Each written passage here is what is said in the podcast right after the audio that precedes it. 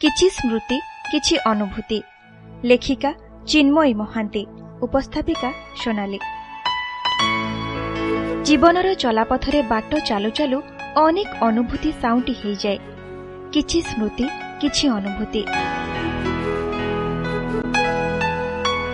ସ୍ମୃତି କାହାପାଇଁ ଅଫେରା ନଈର କାଗଜ ତିଆରି ନାଁଟିଏ ତ କାହାପାଇଁ ତୁଠ ପଥରରେ ଗାଢ଼ ଅଳତାର ଦାଗ କେଉଁଠି ପୁଣି ସ୍ମୃତି ହୁଏ ପାଉଁଶ ତଳର ନିଆଁ ଟିକେ।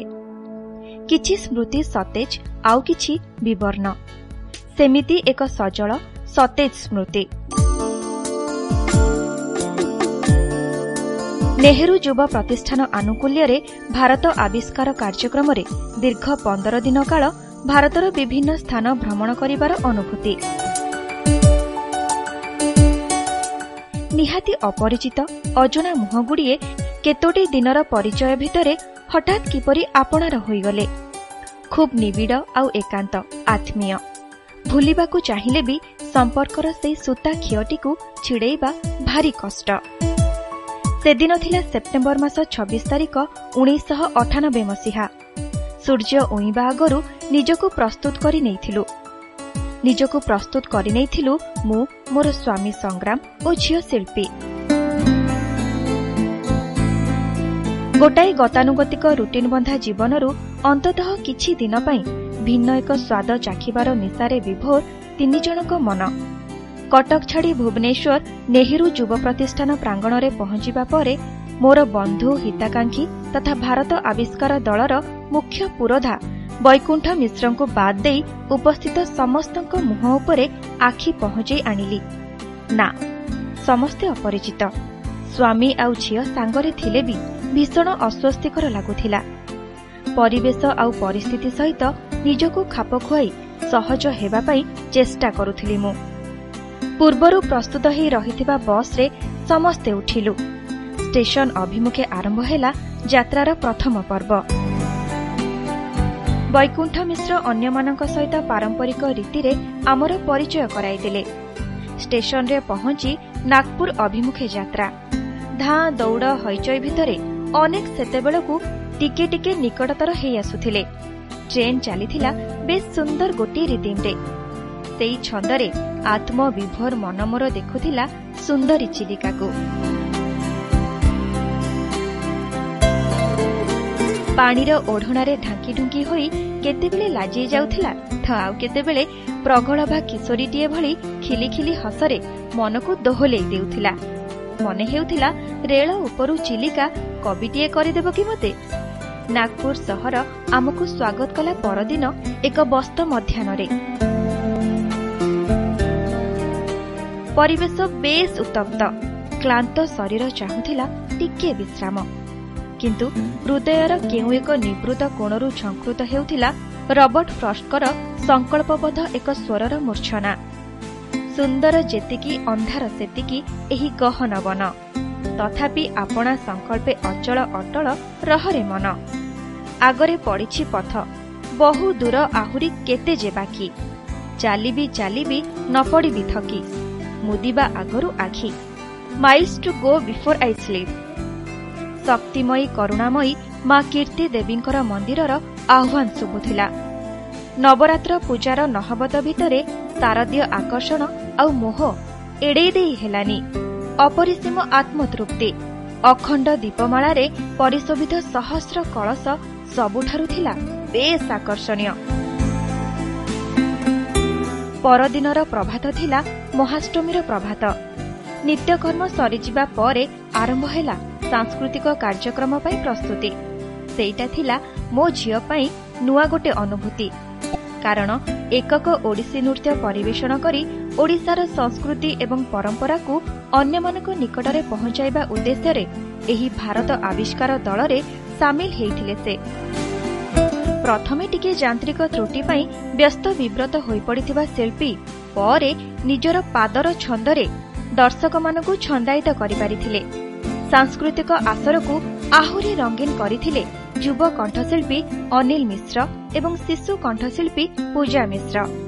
ନାଗପୁରରେ ଦୁଇ ଦିନ ରହିବା ପରେ ଆରମ୍ଭ ହେଲା ଦାମନ ଅଭିମୁଖେ ଯାତ୍ରା। ଡାମନରେ ରହିବାର ସୁବନ୍ଦୋବସ୍ତ ହୋଇଥିଲା ସର୍କିଟ୍ ହାଉସ୍ରେ। ସର୍କିଟ୍ ହାଉସ୍କୁ ଲାଗି ବିଶାଳ ସମୁଦ୍ର। ହେଲେ ତରଙ୍ଗହୀନ ଶାନ୍ତ ସ୍ଥିର ଅବିଚଳିତ। ସତେ ଯେପରି ସ୍ଥିତପ୍ରଜ୍ଞ ପ୍ରବୁଦ୍ଧ ସତ୍ତାଟିଏ ଏତେ ଦୂରରେ ଥାଇ ବି ସ୍ମୃତି ଟାଣି ହୋଇଯାଉଥିଲା ଓଡ଼ିଶାର ସ୍ୱର୍ଣ୍ଣ ବେଳାଭୂମି ଆଡ଼କୁ। କାନରେ ବାଜିଯାଉଥିଲା କୂଳ ଛୁଆଁ ଲହରୀର ମନଛୁଆ ସଙ୍ଗୀତ। ଡାମନରେ ପାଶ୍ଚାତ୍ୟ ସଭ୍ୟତା ଓ ସଂସ୍କୃତିର ଛାପ ବେଶ୍ ଅନୁଭୂତ ହେଉଥିଲେ ବି ନିଜ ସଂସ୍କୃତି ପରମ୍ପରା ପ୍ରତି ସଚେତନ ଥିବାର ଅନୁଭବ କଲୁ। ସେଠିକାର ଲୋକମାନଙ୍କର ପାରମ୍ପରିକ ନବରାତ୍ର ଉତ୍ସବ ଏବଂ ଦାଣ୍ଡିଆ ନୃତ୍ୟରେ ନିମଜ୍ଜିତ ଭାବ ଦେଖି। ଅକ୍ଟୋବର ଦୁଇ ତାରିଖ ଗାନ୍ଧି ମେମୋରିଆଲ ହଲ୍ରେ ଡାମନ ପ୍ରଶାସନ ଏବଂ ଲାୟନ୍ସ କ୍ଲବ ମିଳିତ ସହଯୋଗରେ ଆୟୋଜନ କରାଯାଇଥିଲା ସାଂସ୍କୃତିକ କାର୍ଯ୍ୟକ୍ରମ। ଓଡ଼ିଶା ଏବଂ ଡାମନ ମଧ୍ୟରେ ସାଂସ୍କୃତିକ ବିନିମୟ ଥିଲା ଖୁବ୍ ହୃଦୟସ୍ପର୍ଶୀ। ବିଶେଷ ଭାବରେ ମୋତେ ପୁଲକିତ କରିଥିଲା ମୋ ଝିଅ ଶିଳ୍ପୀ ମଞ୍ଚରେ ଓଡ଼ିଶୀ ନୃତ୍ୟ ଶ୍ରୀକୃଷ୍ଣ ତାଣ୍ଡବ ପରିବେଷଣ କରିବା ସମୟରେ ସେହି ସଙ୍ଗୀତ ସହିତ ତାଳ ଦେଇ ଆତ୍ମନିମଗ୍ନ ଭାବରେ ଗାଇ ଚାଲିଥିଲେ ଜଣେ ବିସ୍ମୟ ମହିଳା ଦର୍ଶକ ଓ ସେଠାକାର ଆକାଶବାଣୀର ଜଣେ ଦୃଷ୍ଟିହୀନ ସଙ୍ଗୀତ ଶିଳ୍ପୀ। ଅନେକ ପ୍ରଶଂସା କରତାଳି ପୁରସ୍କାର ଏବଂ ଆତ୍ମୀୟତା ଭିତରେ ଜଡ଼ସଡ଼ ହୋଇଯାଇ ଖିଆଲି ଝିଅ ମୋର ମୋତେ କହି ପକାଇଲା ମାମା ଆର୍ଟ ଇଜ୍ ସମଥିଂ ଏଲ୍ସ ଜଣେ କଳାକାର ତଥା କଳାକାର ପରିବାରରେ ଜନ୍ମ ହେବାର ସାର୍ଥକତା ଭିତରେ ମୋର ସ୍ୱପ୍ନ ଶିଳ୍ପୀକୁ ସତକୁ ସତ ଶିଳ୍ପୀଟିଏ କରି ଗଢ଼ି ତୋଳିବାର ଆଶା ମୋର ଆହୁରି ସ୍ପଷ୍ଟ ହୋଇଉଠୁଥିଲା ଯେମିତି। ଡାମନର କାର୍ଯ୍ୟକ୍ରମ ପରେ ଆମର ପରବର୍ତ୍ତୀ କାର୍ଯ୍ୟକ୍ରମ ଥିଲା ଅହମ୍ମଦାବାଦରେ। ସୁରଟ ହେଇ ଯିବା ବାଟରେ ରେଲୱେ ପ୍ଲାଟଫର୍ମରେ ଦେଖାହେଲେ କେତେଜଣ ନିର୍ଯାତିତ ଦାଦନ ଶ୍ରମିକ। ଓଡ଼ିଶା ବାହାରକୁ ଚାଲିଯାଇ ବଞ୍ଚିବାର ରାହା ଖୋଜୁଥିବା ଆଉ ସୁନ୍ଦର ଭାବରେ ପ୍ରତାରିତ ହେଇଥିବା ଅସହାୟ ମଣିଷଗୁଡ଼ିକ ନଈବଢ଼ିରେ କୁଟାଖିଅ ପାଇଲା ଭଳି ଆମକୁ ଦେଖି ବଖାଣି ବସିଲେ ନିଜର ପ୍ରତାରଣାର କାହାଣୀ। ସମୟର ସ୍ୱଳ୍ପତା ଭିତରେ ସେମାନଙ୍କ ପାଇଁ ଆମର ଥିଲା କିଛିଟା ଆଶ୍ୱାସନା ଦୀର୍ଘଶ୍ୱାସ ଓ ବଞ୍ଚିବା ପାଇଁ କିଛି ଆଶା। ଅହମ୍ମଦାବାଦର ଯୁବ ବିକାଶ ପରିଷଦ ସତେ ଯେମିତି ପ୍ରତୀକ୍ଷା କରିଥିଲା ଆମକୁ ସ୍ୱାଗତ ଜଣାଇବା ପାଇଁ। ସେଠିକାର ପରିବେଶ ଆଉ ପରିଚର୍ଯାରେ ଥିଲା ବେଶ୍ ଆପଣାର ଭାବ। ଆମେ ରହୁଥିବା ସ୍ଥାନଠାରୁ ଅନତି ଦୂରରେ ପୁଣ୍ୟଶୋଲ୍କ ପୁଣ୍ୟାତ୍ମା ବାପୁଜୀଙ୍କର ତପସ୍ୟା ଓ ସାଧନାର ପୀଠ ସାବରମତୀ ଆଶ୍ରମ। ନିକଟରେ ପୁଣ୍ୟଦୟା ସାବରମତୀ ନଦୀ ଯମୁନା କୂଳରେ ଛିଡ଼ା ହୋଇ ନନ୍ଦନନ୍ଦନ କାହ୍ନା ବଂଶୀସ୍ୱନରେ ସମଗ୍ର ଗୋପକୂଳକୁ ଉଚ୍ଚାଟିତ କଲା ଭଳି। ସାବରମତୀ କୂଳରେ ଦିନେ ସ୍ୱାଧୀନତାର ମୋହନ ବଂଶୀସ୍ୱନରେ ସମଗ୍ର ଭାରତବାସୀଙ୍କୁ ପାଗଳ କରିଦେଇଥିଲା ଯେଉଁ କ୍ଷୀଣକାୟ ବ୍ୟକ୍ତିଟି ତାଙ୍କରି ଉଦ୍ଦେଶ୍ୟରେ ମୁଣ୍ଡ ନୁଆଇଲି। ଇଚ୍ଛା ହେଉଥିଲା ସାବରମତୀର ବାଲି ମୁଠାଇ ସାଉଁଟି ନେଇ ସାରା ଶରୀରରେ ବୋଳି ହୋଇଯିବା ପାଇଁ। ସାବରମତୀ ଆଶ୍ରମ ସ୍ୱାମୀ ନାରାୟଣ ମନ୍ଦିର ଏ ସବୁକୁ ପଛରେ ଛାଡ଼ି ଆମର ଭାରତ ଆବିଷ୍କାର ଦଳ ଚାଲିଲେ ମୁମ୍ବାଇ ଅଭିମୁଖେ। ଭାରତର ହଲିଉଡ୍ ମୁମ୍ବାଇ ସହର। ଜୀବନ ସଂଗ୍ରାମ ପାଇଁ ଅବିଶ୍ରାନ୍ତ ଭାବରେ ଦୌଡୁଥିବା ମଣିଷଗୁଡ଼ିକୁ ବୁକୁରେ ଧରି ମଧ୍ୟ ବ୍ୟସ୍ତ ସହରଟିଏ ମୁହଁରେ କ୍ଳାନ୍ତି ନଥିଲା। ଥିଲା ପରିତୃପ୍ତିର ହସ। ସାଂସ୍କୃତିକ କାର୍ଯ୍ୟକ୍ରମ ସରିବା ସଙ୍ଗେ ସଙ୍ଗେ ଫେରିବା ପାଇଁ ପ୍ରସ୍ତୁତି। ଏହି ହଇଚଇ ଭିତରେ ଏତେ ସୁନ୍ଦର ସହରଟିକୁ ମନ ପୁରାଇ ଦେଖିବାର ସୁଯୋଗ ମିଳିଲାନି।